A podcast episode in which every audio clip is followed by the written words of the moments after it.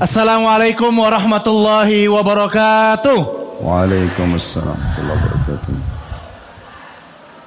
Alhamdulillah, alhamdulillah Ustadz kita sudah sampai di pondok pesantren Al Wafi ya.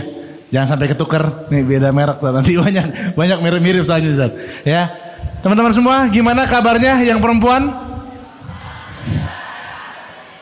Yang laki-laki gimana kabarnya? Baik, masya Allah, masya Allah. Baik, Ustadz kita nggak bisa berlama-lama Ustadz karena waktunya sangat mepet Ustadz.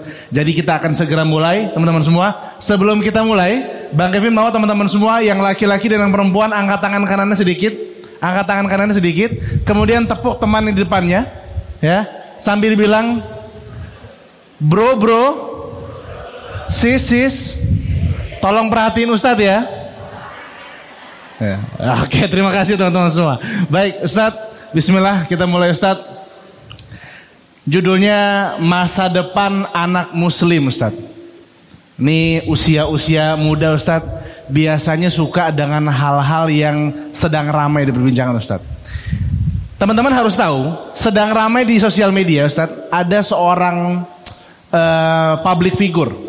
Ditanya, kapan terakhir kamu sholat? Waduh, terakhir 2020. Sholat terakhir 2020. Ah, so soalnya saya merasa katanya Ustaz, tujuan saya diciptakan itu untuk membuat orang bahagia. Nah ini perlu adik-adik semua tahu sebenarnya Ustaz untuk mengawali talkshow kita pada siang hari ini apa tujuan kita diciptakan Ustaz? Tafadhal. Baik, Assalamualaikum warahmatullahi wabarakatuh. Waalaikumsalam warahmatullahi wabarakatuh. Alhamdulillah. Wassalatu wassalamu ala rasulillah. Segala puji dan puja kehadirat Allah subhanahu wa ta'ala. Juga salawat dan taslim kepada Nabi besar Muhammad Sallallahu alaihi wa ala alihi wa sahbihi wasallam. Untuk Ustaz Ali Salman dan seluruh teman-teman asatidah Dan juga mungkin para ustazah yang hadir di sini Saya tidak bisa sebutkan satu persatu. Uh, Dan seluruh teman-teman yang sudah menjadi panitia Dan seluruh siswa dan siswi Jazakumullah khairan atas kepercayaan yang diberikan ini. Semoga Allah jadikan sebagai tambahan amal pada hari kiamat. Dan semoga apa yang diharapkan dari saya sesuai tentunya dengan tema ya, masa depan anak muslim. Dan sebelum kita mulai menjawab tadi apa yang Bang Kevin sampaikan, kira-kira apa tujuan hidup? Dan kenapa kita ada di muka bumi ini? Kenapa semua ini ada? Kenapa ada pergantian siang malam, ada bintang-bintang. Setiap hari matahari terbit, nanti terbenam. Musim silih berganti, hujan, kemudian musim panas. Di beberapa negara bahkan ada sampai empat musim. No. Buah-buahan, hewan-hewan, dan segala macam hal yang kita bisa kita lihat dan kita bisa rasakan. Apa semua makna ini? Pernah gak kita bertanya pada diri kita sendiri, kenapa saya ada di sini? Untuk apa kira-kira? Maka ini nanti akan kita bahas insya Allah. Namun sebelumnya saya pribadi ingin berbagi berhubungan dengan masalah lembaga pendidikan. Saya pribadi sangat mendukung apa yang Ustaz Ali Saman sedang kembangkan Masya Allah dari sekolah. Dan siapa pun yang muslim sedang mengembangkan pendidikan itu penting sekali. Dan perlu teman-teman atau ananda di sini, mas, eh, siswa dan siswi mengetahui bahkan mungkin walaupun sudah tahu sering mengulang-ulangi tentang keutamaan masalah ilmu. Islam adalah agama ilmu. Islam adalah agama ilmu. Tidak ada tempat bagi orang bodoh dalam Islam. Kita punya kewajiban untuk selalu menggali ilmu. Dan ilmu itu tidak akan pernah ada batasnya. Makanya baginda Nabi alaihi salatu wasallam mengatakan dalam hadis talabul ilm faridatun ala kulli muslim. Menuntut ilmu itu kewajiban bukan pilihan untuk setiap muslim. Maksudnya menuntut ilmu agama. Kalau jurusan-jurusan lain selain agama itu opsional, pilihan. Tapi belajar agama bukan pilihan. Wajib mengetahui solat, zakat, puasa, haji yang wajib merupakan rukun Islam, juga hal-hal yang wajib lainnya. Masalah tutup aurat, bakti kepada orang tua, dan juga wajib mengetahui apa yang Allah haramkan. Zina diharamkan, riba diharamkan, ya, manipulasi, mencuri, memukul, membunuh, Dan apa kira-kira hikmah dari semua itu? Harus dengan belajar. Islam punya ciri khas sendiri. Ilmu. Hidup kita semua untuk ilmu. Tidak ada yang lainnya. Bagaimana kita belajar apa yang Tuhan kita Allah subhanahu wa ta'ala inginkan. Nanti akan kita koneksikan dengan masalah tujuan hidup itu. Tapi saya ingin berbagi bagaimana statement yang disampaikan oleh Muadz bin Jabal radhiyallahu anhu tentang masalah ilmu. Supaya teman-teman pada saat sekolah seperti ini dan teman-teman yang mengajar juga, teman-teman yang mendirikan lembaganya terus semangat dan tidak pernah putus asa karena semua yang kita kerjakan bagian daripada perintah agama ini. Perintah agama saja. Kata beliau, ta'allamul ilma fa inna ta'allamahu laka hasanah. Selalu tuntut ilmu agama itu. Karena kalau kau belajar ilmu agama itu akan menjadi poin pahala untukmu. Wa talabuhu wa talabahu ibadah. Menuntutnya adalah sebuah ibadah. Wa muzakaratahu tasbih. Muzakara itu artinya sering mengulang-ulangi, menghafal, mencari tahu. Maka itu dihitung tasbih. Ini kata sahabat Nabi Muadz bin Jabal radhiyallahu anhu. Wal bahthu anhu jihad. Kemudian lebih dalam lagi ya, menekuni, mencari tahu, mengembangkan ilmu itu adalah dihitung jihad. Wa ta'limahu liman la ya'lamuhu itu adalah sedekah. Terus kemudian setelah tahu dan kita mengajarkan kepada orang lain yang belum tahu adalah sedekah darimu. Kemudian beliau menutup mengatakan wal qurba li ahlihi atau taqarrubuka li ahlihi kurbah. Artinya engkau berusaha untuk dekat dengan orang-orang yang memiliki ilmu itu, para guru, ya, para pengajar, para ulama, itu adalah pendekatan diri kepada Allah Subhanahu wa taala. Imam Syafi'i menekankan dengan statement yang sangat jelas masalah ilmu. La khaira liman la ilma lahu. Tidak ada kebaikan bagi orang yang tidak punya ilmu itu. Dan Ali bin Abi Thalib mengatakan radhiyallahu anhu, al ilmu khairu minal mal. Ilmu jauh lebih baik daripada harta. Orang kan sekarang banyak tujuannya yang tertanam di persepsi di benak mereka itu memang sistem kapitalis. Hmm. Bagaimana belajar? Misalnya urutan formalnya TK, SD, SMP, SMA, kuliah, ya. habis itu bekerja, cari duit. Cari duit. Nah, gitu kan. Nah, itu persepsinya. Sementara ini sudah dibantah sebenarnya oleh Ali. Oh. Al ilmu khairu minal mal. Ilmu itu lebih baik daripada harta. Ilmu lebih baik daripada harta, saat ya? Iya, karena memang kita harus mencari ilmu, bukan cari uang. Kalau kita punya ilmu, uang akan datang dengan sendirinya. Tapi kalau kita kejar uang tanpa punya ilmu, maka ini akan mengacaukan semuanya nanti. Karena kita tidak tahu mana halal dan mana haram. Lalu beliau mengatakan, al ilmu yahrusuka wal malu tahrusuhu. Karena ilmu itu akan menjaga kamu sementara harta kamu sibuk menjaganya. Ilmu itu ibarat bodyguard buat kita. Di saat kita mau makan, mau minum, mau bergaul, mau bekerja, mau aktivitas apa saja, ilmu itu akan menjadi pemberi peringatan kepada kita. Itu boleh, itu nggak boleh. Sementara harta kita sibuk menjaganya. Bahkan kadang-kadang ada orang kalau tidak punya ilmu, harta itu akan dituhankan sama dia tanda kutip, hmm. sehingga tidak bisa tidur hanya karena memikirkan hartanya. Subhanallah. Beda sekali dengan kondisi Talha bin Ubaidillah, Abdurrahman bin Auf, dan sahabat-sahabat Nabi Ridwanullah alaihim mereka di saat punya harta mereka malah gelisah pada saat menumpuk. Satu malam disebutkan dalam riwayat Talha bin Ubaidillah mendapatkan keuntungan 20 peti isinya semua itu adalah Mas. dirham uh, dinar emas. Dinar emas. Maka beliau gelisah. Istrinya tanya kenapa anda gelisah? Dia bilang saya belum pernah dapat keuntungan sebanyak ini. Ya ampun. Kata istrinya untuk apa anda pusing? Kita kemas kita bagiin Masya Allah. Karena punya ilmu, maka harta itu dikontrol oleh ilmu. Bagaimana kita bawa harta ini ke akhirat? Udah, mereka semalam suami istri kemas uang itu, kemudian dibagikan kepada fakir miskin dan habis semuanya. Malam itu juga, Zat? Malam itu juga. Subhanallah. Menjelang subuh habis semuanya. Masya Allah. Kalau tidak salah disebutkan ada 600 600-an ribu dinar dan se- pokoknya cukup banyak sekali. Maka pada saat itu mereka merasa plong karena tidak ada beban dalam masalah ini. Ya ampun. Tapi kalau orang tidak punya ilmu, maka yang paling pertama dia pikiran begitu punya uang adalah bagaimana dia mengumpulkannya, menambahkannya, Iya. pelit tidak mau mengeluarkan dan ini tidak mungkin ketemu dengan konsep Islam. Karena memang Islam mengajarkan kita pintu kekayaan adalah sedekah. Itu ilmu yang mengajarkan kita seperti itu. Dengan bersedekah harta kita akan banyak. Kalau kapital kapitalis mengatakan eh, Menabung. menabung adalah pangkal kaya. kaya. Maka tidak bisa ketemu. Orang nabung pasti pelit, orang sedekah pasti dermawan. Nah, Ini konsep yang sangat berbeda.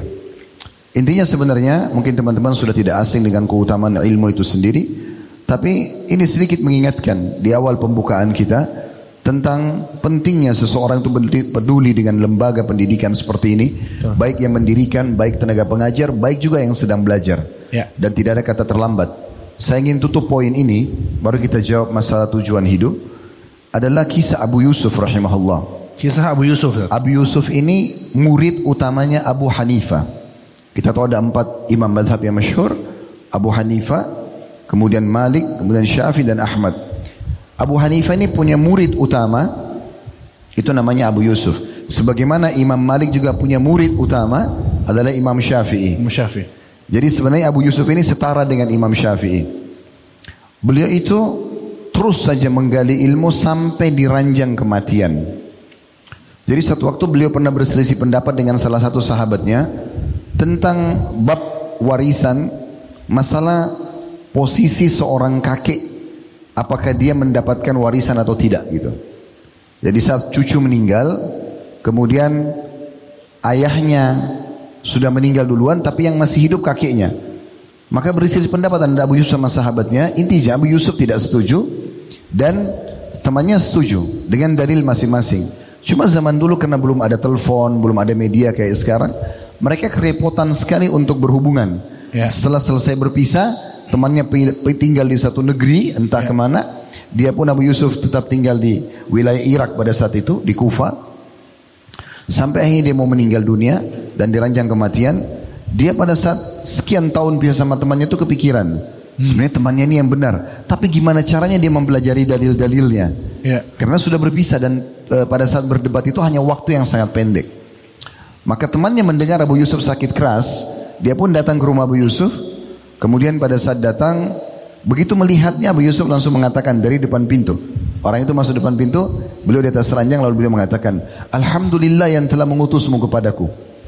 Aku sudah lama mencarimu untuk menghafal dalil-dalil tentang masalah perselisihan kita sekian tahun yang lalu. Kata sahabatnya, Hai Abu Yusuf, engkau sudah sakit keras, diranjang kematian. Syahadatlah, banyak bertobat. Dia bilang, saya sudah syahadat dan bertobat. Tapi saya meninggal dalam kondisi memahami ilmu itu, lebih saya sukai daripada saya meninggal jahil kepadanya. Diranjang kematian, lalu temannya mengajarkan dalil-dalil dan dia mencoba menghafalnya. Sampai dia menghafalnya, kata sahabatnya, temannya ini, begitu saya keluar pamit, pas di depan pintu rumah, terdengar tangisan keluarganya. Abu Yusuf sudah wafat. Di akhir hidupnya pun masih tetap menuntut ilmu. Masya Allah. Maka poin yang penting untuk diketahui adalah jangan sampai merasa ilmu itu sudah cukup buat kita. Banyak teman-teman kita sekolah seperti di pesantren ini tamat dari alianya atau apa pun istilah yang digunakan di sekolah ini misalnya biasanya diumumkan ada sanawiyah sama aliyah. Maka biasa mereka mengatakan, oh sudah cukup buat saya. Saya pernah di pesantren kok. Nggak perlu berdalam lagi ilmu. Ini keliru. Subhanallah mungkin Ustadz Ali juga merasakan hal yang sama. Kami pada saat belajar di Madinah dan tamat tahun 1998 dulu. Saya pikir setelah selesai S1 itu sudah cukup untuk belajar ilmu agama. Sehingga saya merasa cukup untuk pulang dan mengajar. Terbalik subhanallah persepsi itu. Setelah terjun di lapangan, makin saya merasakan saya tidak punya apa-apa. Makin terus digali, makin terus belajar. Makin terus murajaah gitu kan. Dan ternyata ilmu itu tidak ada batasnya. Dan sampai hari ini dan sampai kapan pun kami akan terus belajar. Oleh karena itu poin ini harus garis bawahi. Ya, ya. Insya Allah ini adalah perbuatan yang baik, amal soleh, baik bagi pada pendiri, pengajar, ataupun juga orang-orang yang sedang belajar. Masya Allah. Baik itu pembukaannya mungkin kita masuk ke masalah tujuan hidup. Ini penting sekali memang. Terutama bagi Ananda yang lagi sekolah dan ke depannya masa depan Anda masih panjang insya Allah. Maka tujuan hidup kita di muka bumi ini. Kenapa saya ada di sini? Kenapa semua ini fenomena alam ada? Pergantian siang malam, bintang-bintang, populasi manusia, populasi hewan-hewan, tumbuh-tumbuhan, beragam macam ya eh, kejadian yang ada di depan mata kita ini semuanya itu ada tujuannya.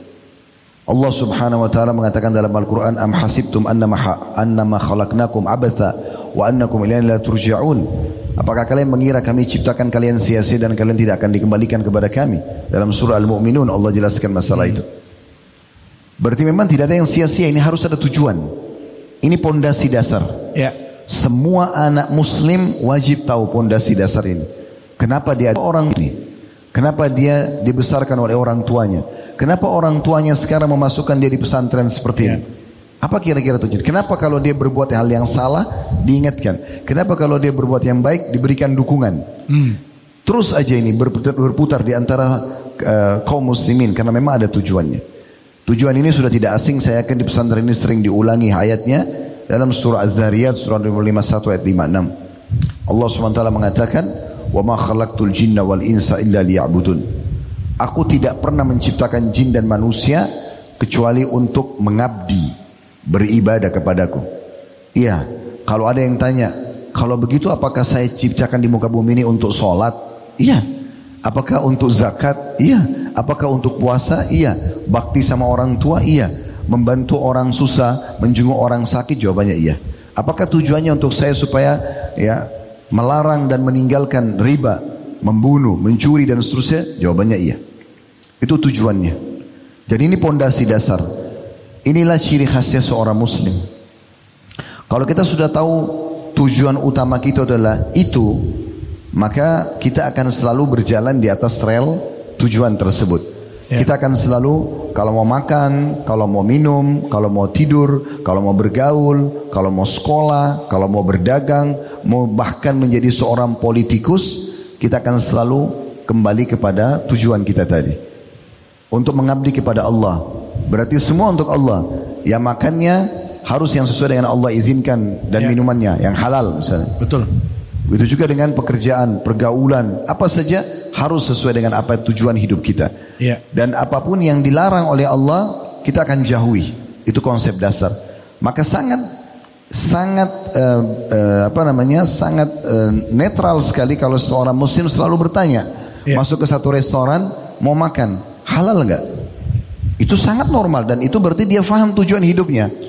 Dia ingin bergaul, dia melihat pergaulan ini diridho oleh Allah enggak? Yeah. Bisnis ini halal atau tidak? Hal ini boleh atau tidak? Intinya itu, yeah. tapi dalam masalah agama. Yeah. Itu yeah. gambarannya. Kehati-hatian itu saat ya. Oke, okay. Ustaz, uh, ada yang melebarkan makna ibadah ini, Ustaz. Beribadah ini kan maknanya luas, ya. Beribadah ini kan gak cuma sholat, gak cuma puasa, uh, menghibur orang, bikin orang tertawa juga termasuk ibadah menurut orang hari ini Zat. Maka saya rasa saya nggak perlu sholat. Yang penting saya bikin orang ketawa aja. Nah itu gimana kira-kira? Ya ini kedang-kedang kedangkalan masalah agama. Hmm. Ya ini. Uh, dalam agama kita kan ada ada yang wajib, ada yang sunnah. Hmm, ya, yang wajib ini bukan opsional, tapi hmm. kewajiban. Kapan orang mengatakan ibadah dalam Islam itu luas? Benar. Betul. Ini dulu benar. Tapi rincian ke bawahnya dia mengatakan kalau begitu saya pilih aja salah satu ibadah ini. Yeah. Gak usah saya kerjakan sholat tapi saya cukup gembirakan orang lain. Ini yeah. karena tidak faham. Sholat hukumnya wajib. Menggembirakan seseorang adalah sunnah. Yeah. Ini nggak bisa didahulukan sunnah dari yang wajib. Nah, dia harus dia. bisa mendahulukan mana yang wajib dan mana yang sunnah. Skala prioritas itu yang mana? Jadi ada skala prioritas ya? Tentu saja. Pernah ada seseorang datang ke hadapan Nabi Shallallahu Alaihi Wasallam Orang ini belum masuk Islam. Okay. Dia masuk ke dalam Masjid Nabawi di Madinah, kemudian dia mengatakan mana Muhammad di antara kalian? Mana Muhammad? Dia belum tahu. Oh, Nabi Muhammad SAW orang bukan Muslim. Nabi Muhammad SAW lagi muttaki. Muttaki itu meletakkan siku beliau di tanah, kaki beliau lagi ngelonjor, oh. lagi ngobrol santai dengan sahabat. Kenapa saya jelaskan? Karena memang lafaz hadisnya begitu. Tep. Maka kata Nabi SAW, saya hmm Lalu orang itu bilang, saya ingin menanyakan kepada anda. Kata Nabi SAW, silakan. Dia ya. bilang, siapa yang meninggikan langit ini? Ya. Kata Nabi Muhammad SAW masih dalam kondisi santai. Allah, siapa yang menghamparkan bumi? Kata orang itu lagi. Hmm. Kata Nabi Muhammad SAW dengan tenang, Allah.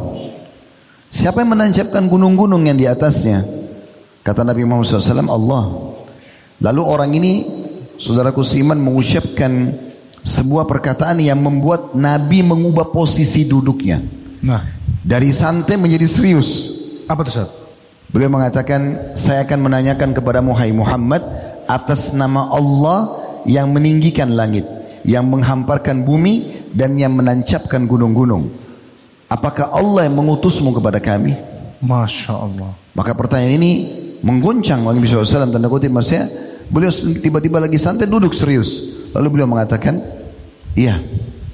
Dengan tenang mengatakannya. Lalu orang ini mengulangi lagi dia mengatakan, saya akan tanya kepada Muhammad atas nama Allah yang meninggikan langit, menghamparkan bumi, menancapkan gunung-gunung. Apakah Allah memerintahkan kamu untuk menyampaikan kepada kami agar kami sholat lima waktu sehari? Ya. Kata Nabi SAW, iya.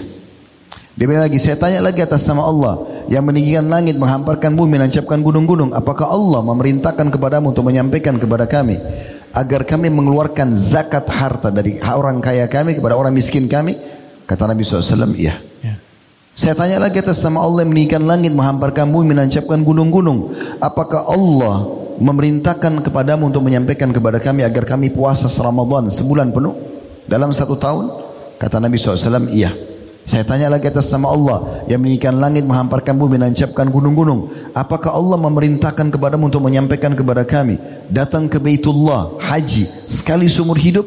Kata Nabi SAW, iya. Orang ini cerdas, lalu dia mengatakan, ya Rasulullah, kalau saya kerjakan itu, apa yang saya dapat? Nah. Kata Nabi SAW, kau akan masuk surga. Hmm. Dapat tiket surga. Kerjakan yang wajib, dapat tiket surga.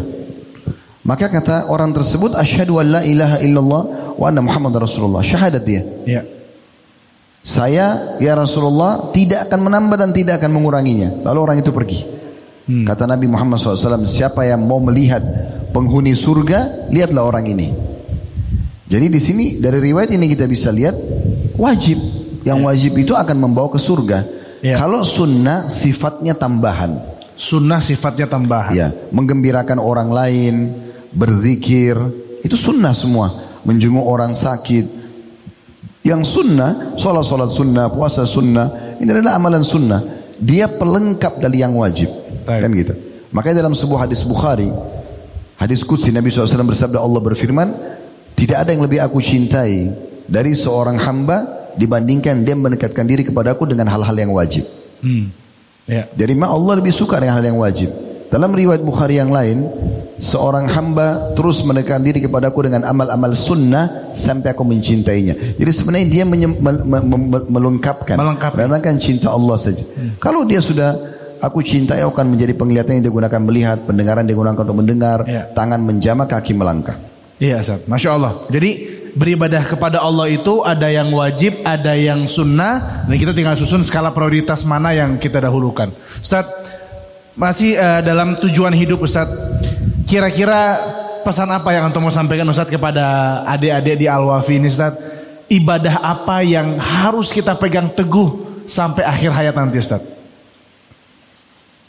Kalau kembali kepada jawaban tadi, maka sederhanakan saja. Karena Islam itu sederhana, Sederhana. simple dia. Yang wajib kemudian yang sunnah. Yang wajib Skala prioritas yang wajib dan yang sunnah. Ketahui semua yang berhubungan dengan wajib tersebut.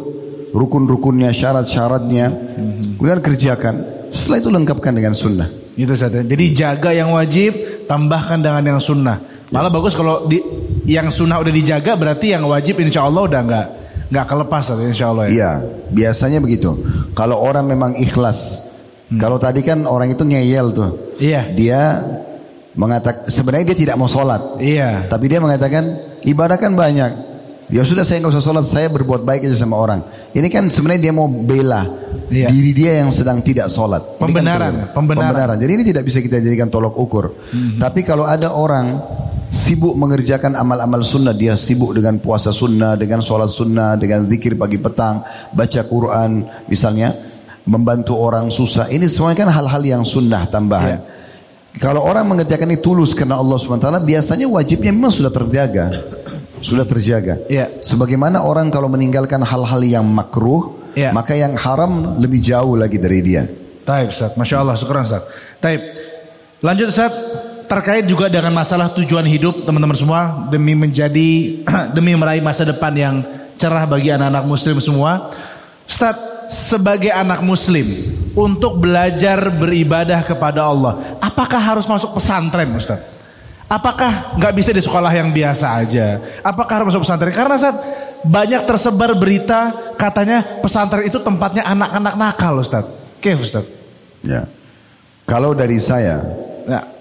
Bukan sebenarnya harus ya, bukan sebenarnya harus. Tetapi memang yang paling ideal adalah pesantren. Yang paling ideal pesantren. Iya.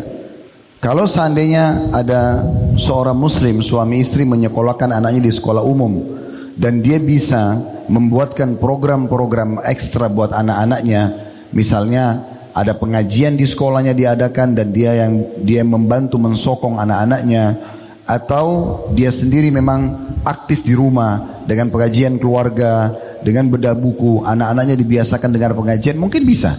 Iya. Tapi ini sangat tipis ya maksudnya kecil sekali persentase orang yang bisa seperti ini. Oleh karena itu pesantren yang sangat ideal. Dan memang persepsi yang menganggap oh pesantren tempat anak nakal Ah. ini keliru dan ini biasanya memang berasal dari mulut orang-orang tua. Hah. Nah biasanya ada orang tua gitu. Kamu kalau nakal saya pesantrenin. Nah, Nah itu Ustaz. jadi kesannya memang pesantren itu tempat nakal. Iya. Ya, padahal ini keliru sekali. Saya pun termasuk pernah jadi santri di pesantren di Makassar dan saya lihat sendiri. Mungkin teman-teman di sini juga bisa rasakan azan diingatkan, ya menutup aurat, menjaga perkataan, sikap, akhlak diingat, di, dibentuk dan seterusnya itu adalah hal yang sangat baik. Iya. Dan sangat unik kalau ada orang tua justru tidak mau masukkan anaknya di pesantren. Karena memang pesantren itu pendidikan yang sangat baik. Dan fase pendidikan anak itu kan ada. Iya. Masa anak-anak dari dari dia belum lahir bayi sampai masa dia masuk ke eh, kalau kita bahasakan mungkin TK ya TK. atau mulai masuk TK atau mau masuk SD dari umur 6 atau 7 tahun. Ya. Ini mah masa bersama orang tua. Ini masa bersama orang tua di rumah. Oke. Memang orang tua harus pahami inilah masa mereka bermain, Iya. mereka sama orang tua dan tidak boleh orang tua sia-siakan masa ini. Hmm. Banyak orang tua yang sibuk dengan handphone, dengan aktivitas dan dilupakan anak ini di masa ini keliru. Iya. Ini harusnya masa kebersamaan. Kapan dia sukses di sini, nanti ada masa di masa dia sudah selesai kuliah, maka dia akan kembali kepada masa ini. Dia tahu dulu enam tahun pertama dia orang tuanya bersama dia, di masa akhir dia juga akan bersama dengan orang tuanya. Masya Salah di sini, salah juga di akhir. Oh. Kalau anak-anak dibengkalikan di sini orang tuanya tidak punya urus di masa tua pun dia tidak akan urus orang tuanya. Iya. Itu fase pertama. Fase kedua adalah fase kalau di masa kita sekarang sekolah formal. Iya. Ya, mulailah SD, SMP, SMA. Ini memang orang tua harus paham ini masa terbagi waktu antara pendidikan anak dengan orang tua. Jadi dia harus memang dipisahkan dengan orang tua. Oke. Nah di sini terbentuk karakter-karakter itu. Karakter Ya. itu ya. Apalagi ya di umur saat eh, SMP kelas 1 sampai SMA kelas 3. Kenapa pesantren dibuat di sini? Kenapa umur ini gitu? Dan mayoritas pesantren ada. Sebenarnya ini pembentukan karakter. Di saat di sini ter- di- ditekankan ada penegasan, bukan kekerasan ya. Iya. Penegasan. Ini boleh, ini nggak boleh. Maka dia akan terbentuk karakternya. Dan ini fase yang disebutkan oleh Ali radhiyallahu anhu, gitu kan? Iya. Beliau mengatakan itu. Tujuh tahun pertama lemah lembutlah dengan anakmu. Tujuh tahun kedua tegasilah anak-anakmu. Oke. Jadi ini boleh, ini nggak boleh. Ini ayah suka, ini ibu nggak suka misal. Ini contohnya. Tujuh tahun ketiga ajak bermusyawarah. Setelah 21 tahun lepaskan dia akan jadi pemimpin di masyarakat. Jadi memang fase ini adalah fase pendidikan. Banyak orang tua tidak mau masukkan anaknya ke pesantren kenapa? Kesian, jauh, Kesian, kan gitu. jauh. Padahal ini adalah fase berpisah memang. Fase memang terbagi antara pendidikan anak dengan orang tua. Ya. Dan kita harus bisa berbesar jiwa untuk memberikan itu. Nanti setelah tamat SMA-nya atau aliyahnya, dia akan kembali dengan orang tuanya. Ya. kan? Dia akan kembali di sini. Mulailah pada itu fase yang ketiga, dia akan selalu bermusyawarah dengan orang tuanya dan seterusnya sampai nanti akhirnya dia menjadi orang yang mapan gitu. Oh, Oke, masya Allah. Benar, benar. Jadi memang targetnya adalah pendidikan karakter, ya. Di sini ada yang masih ada yang nggak betah nggak di sini? Harusnya betah semua Ustaz. Ini Masya Allah tempatnya ajib. Ya Ustaznya modern Masya Allah. Mungkin sedikit nasihat Ustaz kepada adik kita di sini. Mungkin masih ada yang rasa kangen rumah, pengen pulang. Apa kira-kira nasihatnya untuk adik-adik santri di sini Ustaz? Rumahnya mau ke mana? Orang tuanya mau ke mana? Tetap ada. Tentu ada. Nggak ke mana-mana. Iya, Ini hanya fase sebentar. Sebentar. Terlebih lagi tadi Ustadz Ali menyinggung bahwasanya setiap bulan ada libur tiga hari. Loh. Bisa pulang, gitu kan? Ketemu sama orang tua, orang tua juga bisa bertemu dengan mereka. Ini, ini fase saja. Dalam enam tahun sekolah di pesantren, habis itu selesai. Akan pulang lagi menerapkan ilmu yang dipelajari selama enam tahun itu. Baik, Masya Allah, Masya Allah ya. Tapi Ustaz, kita masuk ke tema kita Ustaz setelah tadi sudah tahu tujuannya, kemudian eh, tempat yang ideal belajar ibadah adalah di pesantren. Lantas Ustaz, setelah lulus dari pesantren, nanti saya cuma tahu ilmu agama aja dong. Nah, kemudian nanti bagaimana dengan masa depan saya? Bagaimana, bagaimana Ustaz kira-kira masa depan para santri ini Ustaz? Bisa jadi apa atau mau jadi apa nanti Ustaz? Kira-kira Ustaz? Oke. Kemungkinannya Ustaz. Sebelum kita jawab itu, saya mau berbagi pengalaman saya pribadi. Nah, Dulu waktu saya mau kuliah, walaupun di sini Ananda masih mungkin SMP SMA ya, tapi hampir sama karena saya tanamkan juga ke anak-anak saya ternyata mereka praktekin dan sama hasilnya. iya. Dulu saya di tingkat satu, tingkat dua kuliah, saya atau tingkat satu masuk ke tingkat dua, belum full tingkat duanya. Iya. Saya sempat di kelas duduk paling belakang. Saya bukan menyalahkan yang duduk di belakang tidak, Iya, tapi iya, saya iya. mengeli- menceritakan pengalaman. Pengalaman. Pada saat itu saya duduk di belakang sekali karena tujuan saya waktu itu inginnya saya bisa melihat seluruh kelas dan bisa melihat dosen dengan leluasa Oke. waktu itu. Tapi ternyata waktu di masa saya, saya tidak tahu di sini ya, tapi di masa saya ternyata eh, ada lima baris atau enam baris kursi mahasiswa itu dua baris terakhir sangat beda kualitasnya dengan empat baris ke depan gitu. Nah, Apalagi yang paling depan sekali. Dua baris terakhir ini ngobrol sama temannya, orat-oret kertas, tidur. Apalagi pas dapat dosen yang tahunya antara diri dia sama papan tulis iya saja. gitu iya kan. iya iya iya iya iya. Jadi yang penting bagi dia datang isi materi selesai. Faham nggak faham terserah. Nah, Itu kadang-kadang ada juga tipologi guru yang seperti itu. Tapi intinya pada saat itu saya melihat di sekitar saya ini orang-orang semuanya pada lebih dominan persentase pendidikannya itu 4, 50, 40 persen ke bawah. Lebih banyak mereka bermain. Saya lihat di baris depan ini itu mereka begitu dosen datang udah buka buku tulis, udah buka buku cetaknya atau kitabnya, kemudian dosen ngomong apa dicatat. Fokus. Ya. Terus mereka itu seperti orang yang sedang privat dengan dosen itu. Nah, Jadi kalau dosen datang lagi dijelasin baru berapa paragraf aja, kalau dia tidak paham, mereka akan angkat tangan sebentar. Saya belum paham, bisa diulangi nggak Syekh? Masya diulangi lagi. Sehingga 50 menit atau 55 menit dosen datang dan keluar, Iya. itu dia udah paham tema itu. Oke. Dan subhanallah ini efeknya di malam ujian, mereka tinggal murajaah sedikit, udah selesai karena sudah difahami dari waktu di kelas. nah, Saya coba ubah pada saat itu. Saya ubah pola. Mulai besok saya berazam saya harus ada di depan. nah. Maka saya pindah di baris depan. Dan kebetulan waktu itu tidak ada, saya tidak tahu di pesantren, tapi di kelas kami dulu di Madinah itu nggak ada nomor kursi. Nomor kursi. Jadi orang bisa acak hari ini bisa duduk di kursi mana Oh, saja, oke. besok bisa di mana saja. Maka saya datang lebih cepat, saya duduk paling depan. Awalnya teman-teman saya semua yang dari Afrika, yang dari Eropa, yang berprestasi dari Timur Tengah itu, pada heran lihat saya kok dari belakang pindah ke depan gitu. Tumben. Tapi saya nggak peduli. Terus saya coba ikuti pola mereka. Tiga bulan pertama kewalahan memang. Tiga Kewalahan. bulan pertama. Karena saya waktu duduk di situ saya kikuk gitu. Kikuknya itu karena semua di sebelah saya ini dua baris kursi, tiga baris kursi ke belakang ini dosen ngomong apa kepalanya nunduk nulis. Oh. Bahkan ada di antara teman-teman dulu yang saya tahu betul dari Afrika, dari Timur Tengah, dosen ngomong apa per per hurufnya bisa ditulis sama dia karena cepatnya nulis gitu. Nanti di kamar dia pulang ke asrama, kemudian baru dia susun kembali. Dirapihin lagi. Intinya dia sambil dengar sambil nulis gitu. Masya Allah. Nah akhirnya saya coba ikutin. Kadang-kadang dosen baru ngomong sedikit saya coba tulis ketinggalan. Ketinggalan. Tapi oke, saya pikir ini sebuah tantangan nih. Nah, Kenapa mereka bisa, saya nggak bisa gitu. Berjalanlah, terus saya adaptasi seminggu, dua minggu, tiga minggu, sampai saya lihat maksimalnya tiga bulan. Nah. Pas sudah tiga bulan, Alhamdulillah, saya masih simpan sampai sekarang buku tulis saya. Hmm. Itu saya bisa menulis dengan dua warna pulpen yang berbeda.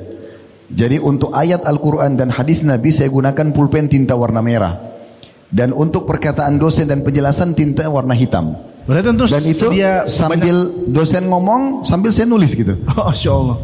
Dan Alhamdulillah karena tekad yang kuat dan saya berpikir ini adalah pasti ya, ini yang terbaik karena dosen ngomong apa kita jadi paham. Dan akhirnya saya mengikuti pola mereka. Setiap dosen menjelaskan kalau tidak paham saya minta waktu. Syekh tolong dijelasin lagi dan mereka bersabar. Mereka jelasin lagi dan akhirnya faham.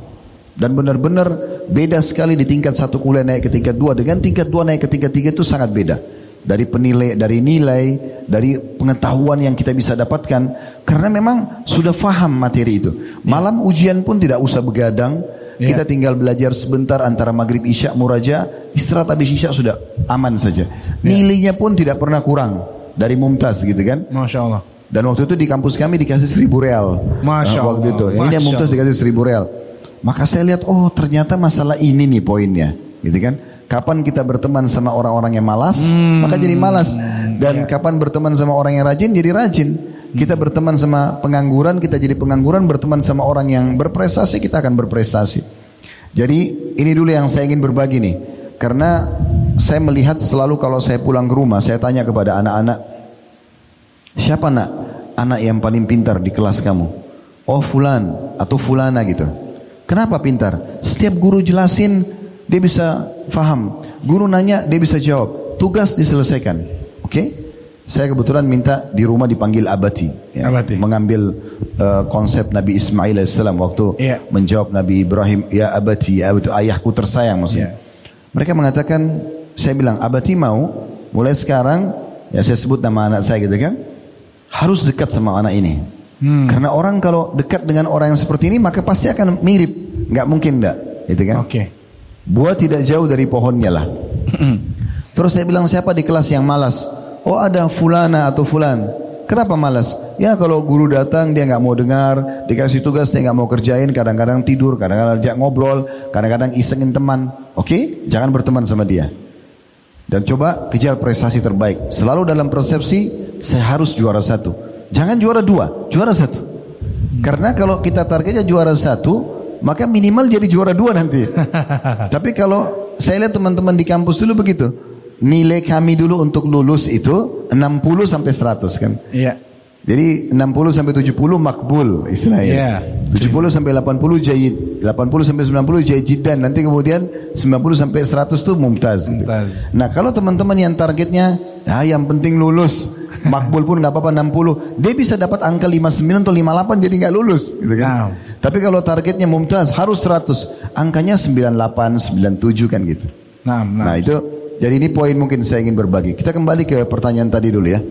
Yang antum sempat tanyakan. Iya, setelah lulus pesantren, saya harus apa? Saya bisa apa Oke. untuk mengejar masa depan saya nih, Zat? Kembali kepada apa yang saya sampaikan tadi ya, pada Ananda, teman-teman siswa dan siswi. Ingat, belajar agama wajib, belajar ilmu yang lain sunnah. Ya, selama ilmu itu bermanfaat. Jadi untuk menjadi dokter, menjadi insinyur, menjadi apa saja keterampilan, Iya. itu boleh. Tapi itu sunnah, bukan kewajiban. Iya. Wajib adalah ilmu agama. Kalau sudah tamat pesantren dan punya ilmu agama, kembangkan lagi ilmu agama itu. Tapi boleh masuk ke jurusan lain, nggak ada masalah. Boleh masuk Tapi tetap lain. harus agama didahulukan, Iya. gitu kan? Agama didahulukan. Kalau bertanya, kira-kira saya nanti kalau tamat dan saya jurusan agama, saya bisa apa? Hmm. Sebagai contoh ada Ustadz Ali Saman di sini. Masya Allah. Beliau tamatan dari Madinah, belajaran tapi banyak orang yang bisa diberikan manfaat, buka sekolah, bisa mendatangkan income duniawi, bisa melakukan perbuatan akhirat. Iya. Saya pun merasakan hal yang sama. Saya tanamkan kepada adik-adik saya, kepada anak-anak di rumah, saya bahasakan itu. Saya dulu tahun 93 ke 94, waktu itu tamat SMA Iya. sempat masuk ke fakultas di Madinah, terus saya ambil cuti akademik setahun.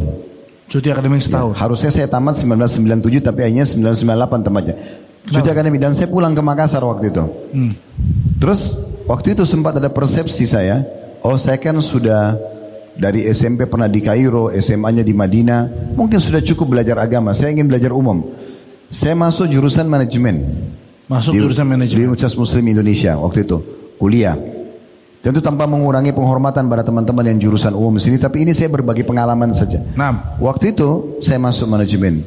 Terus saya berpikir dalam bahasa Arab aja saya bisa prestasi masa bahasa Indonesia nggak bisa. Iya. Terus kejar dan bagus nilainya bisa mengikuti walaupun eh, beberapa kosakata mungkin saya harus pelajari dulu bahasa-bahasa akademik.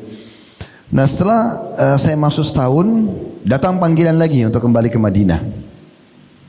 Maka saya kembali, Alhamdulillah waktu itu. Walaupun sempat bimbang, kembali nggak ya? Ini kuliah Indonesia ini sudah enak, dekat dengan orang tua, Eh, makanan Indonesia banyak, lingkungan kita sudah terbiasa. Iya, iya, iya. Tapi Alhamdulillah sampai detik ini dan sampai kapan pun saya selalu syukuri karena saya kembali waktu itu ke Madinah. Begitu kembali dan kuliah, selesai kuliah, saya pulang 98, sempat jadi dosen di salah satu kampus di Makassar. Kemudian saya berpikir, saya mau lanjut S2 dan S3 ini. Tapi sekarang mungkin sudah bisa saya mengambil jurusan umum. Ya. Maka saya coba masuk karena waktu itu ayah saya punya pesantren di Makassar, jurusan manajemen pendidikan. Nah, Jadi bagaimana mengatur manajemen sekolah lah. Ya. Alhamdulillah bisa. S3 saya kembangin lebih jauh lagi itu. Ambil manajemen umum ekonomi. Gitu kan. Dan juga bisa. ya. Pada saat itu saya butuh bahasa Inggris. Saya ikut kursus bahasa Inggris. Ikut kursus bahasa Inggris ya? Iya. Masya Allah. Di Makassar tuh kursus bahasa Inggris. Ikut 6 bulan. Tinggal bayar ikut. Terus saya berpikir. Apa saja keterampilan yang saya inginkan ternyata saya bisa raih dengan kursus. Alhamdulillah. Ingin belajar komputer, ingin belajar bahasa, semuanya bisa. Tapi agama nggak bisa dengan kursus. Agama nggak bisa dengan kursus. Nggak bisa. Dia harus memang dengan mendalaminya. Maka ternyata saya lihat apa pun keterampilan di samping ilmu agama yang sudah Allah amanahkan ini, saya bisa dapatkan dari Ya. manajemen, dari bahasa, terus kemudian juga pengembangan masalah bisnis berapa kali pelatihan yang saya ikuti sehingga kita kembangin sekarang 4-5 perusahaan misalnya itu semua ternyata memang bisa kita kursusi dan Ya. bisa kita tekuni dalam hitungan bulanan bisa selesai Ya. tapi ilmu amal nggak bisa maka saya bilang pada adik-adik saya dan juga pada anak-anak saya terutama yang sudah dewasa saya bahasakan kalau dulu saya melanjutkan jurusan manajemen saya jurusan manajemen abadi dilanjutkan misalnya kira-kira akan jadi seperti apa akan menjadi seorang akunting atau seorang yang bekerja saja finance di kantor gaji 45 juta tidak akan pernah bisa seperti sekarang gitu Ya. tapi di saat ilmu agama ternyata bisa kita bisa mempekerjakan orang banyak yang jurusan umum dan Allah Ya. berkahi. Selain mengajar ilmu agama, kita juga bisa kembangin bisnis, Masya kita bisa mengatur manajemen, bahkan banyak pelatihan-pelatihan manajemen yang kita bisa isi gitu kan. Nah, Nah, jadi agama itu bukan pilihan, tapi akan banyak sekali mendatangkan keberkahan. Masya Allah. Terakhir dari Anda Ustaz, sebagai seorang yang sudah sadar bahwa kita ini eh, hidup untuk beribadah kepada Allah, belajarnya di pesantren, lantas kemudian setelah lulus ternyata bisa jadi apa aja. Tadi Ustaz katakan ilmu apa pun bisa lewat kursus Ustaz ya, bisa lewat kursus dan alhamdulillah antum juga bisa mengembangkan usaha. Pertanyaan Ustaz, mungkin mewakili adik-adik santri di sini. Jadi boleh ya Ustadz kalau misalnya saya pakai ketaatan saya kepada Allah lantas mengharapkan kebaikan dunia. Gimana Ustadz? Tentu saja bisa. Boleh nggak saya itu misalnya dengan rutin sholat, Ya. menjaga hubungan saya dengan Allah Subhanahu wa taala, saya berharap Allah Subhanahu wa taala memperbaiki dunia saya. Maksudnya mendatangkan rezeki, Iya. mendatangkan pasangan yang baik, keturunan yang baik, tentu saja. Bahkan memang itu yang mungkin menjadi sebuah kaidah dasar. Siapa yang mengikuti, siapa yang mengejar akhiratnya dunianya akan ikut. Iya. Siapa yang mengejar dunia akhiratnya akan luput kan gitu. Iya. Islam mengajarkan ada perimbangan tapi akhirat selalu didahulukan. Siap. Dalam surah Al-Qasas wa bataghi fi ma ataqallahu daral akhirah wa la tansa nasibaka minad dunya. Kejar apa yang Allah jadikan di akhirat dan jangan lupa bagianmu dari dunia. Jadi memang dalam Islam berimbang akhirat dan dunia itu berimbang, gitu kan? Tidak ada masalah. Dan dalam ibadah kalau kita beribadah dan mengejar apa yang sudah Allah janjikan di ibadah itu, sebenarnya itu puncak dari ibadah sendiri. Contoh misalnya, boleh nggak saya sholat malam supaya doa saya diijabah? Iya. Memang itu tujuannya. Salah satu yang dijanjikan oleh Nabi SAW sholat malam adalah diijabah doa. Boleh nggak saya pergi haji Kemudian dosa-dosa saya diampuni. Memang itu kan keutamaannya. Jadi kalau seseorang muslim beribadah mengejar apa yang Allah janjikan keutamaan di situ, maka itu puncak daripada ibadah itu ibadah. sendiri, gitu nah. ya. Jadi ada persepsi yang kadang-kadang disebarkan di masyarakat itu Jangan kamu sembah Allah karena ada surga nah. dan jangan takut kepada Allah karena ada neraka. Nah. Gimana caranya? Surga itu motivatornya. Waktu atau setiap kali Nabi SAW ingin melepas pasukan jihad beliau, ya. beliau mengatakan, halumma ila jannatil jannatillah. Ayo bangun menuju ke surga Allah gitu. Jadi surga jadi motivatornya. Ya. Beberapa sahabat kalau mereka mau berjihad, mereka membaca, mengulangi lagi keutamaan yang didapatkan di surga. Ada bidadari, ada istana, ada pakaian sutra, ada kebun-kebun dan segala macam. Mereka memang membaca itu sehingga menjadi motivasi buat mereka. Nah. Karena itu janji Allah Subhanahu wa taala. Sebagaimana juga orang kalau mau meninggalkan satu perbuatan buruk, dia tinggal mencari tahu ancaman Allah, gitu kan? Ancaman Allah. Sehingga dia meninggalkan pelanggaran tersebut. Hmm, kalau dia mau uh, semangat dalam mengerjakan sesuatu, maka dia mencari apa yang Allah janjikan gitu saja. Ya, kalau bahasa ceramah itu fadilahnya. Fadilah. Jadi kalau mau semangat dalam mengerjakan perintah agama, cari tahu tentang janji Allah di situ. Hmm. Mau sedekah, sebelum sedekah baca dulu, berilmu dulu. Oh, tinggal ketik sekarang di Google kan keutamaan sedekah banyak artikel di YouTube ceramah ustadz keutamaan sedekah kita akan bisa dengarkan. Masya Allah. Dan itu akan memotivasi kita karena kita berdasarkan ilmu. Iya. Keutamaan oh saya dapat ini, saya dapat ini. Mau sholat malam, mau baca Quran, mau bakti sama orang tua, mau jenguk orang sakit. Semuanya cari tahu tentang janji Allah atau fadilahnya. Dan kita kejar itu. Iya. Targetnya itu adalah mendapatkan apa yang Allah janjikan. Termasuk puncaknya masuk ke dalam surga. Masya Sebagaimana juga kita meninggalkan dosa-dosa karena takut dihukum di neraka. Nah itu hmm. juga poin. Masya Allah. Jadi teman-teman semua bisa kita simpulkan singkat bahwa masa depan anak muslim bisa kita raih dengan belajar ilmu agama, kemudian kursus tambahan-tambahan, ya, fokus belajar dan yang paling penting adalah beribadah sambil minta kepada Allah Subhanahu wa taala. Gitu saja ya. Hmm. Baik teman-teman semua, terima kasih banyak atas perhatiannya. Semoga pertemuan kita yang singkat ini bisa jadi ilmu yang bermanfaat teman-teman semua. Dan semoga kita bisa ketemu lagi saat ya sama adik-adik dari Al-Wafi ini. Dan kita tutup dengan kafaratul majelis subhanakallahumma wa bihamdik. Asyhadu an la ilaha illa anta astaghfiruka wa atubu bang Kevin tutup. Wassalamualaikum warahmatullahi wabarakatuh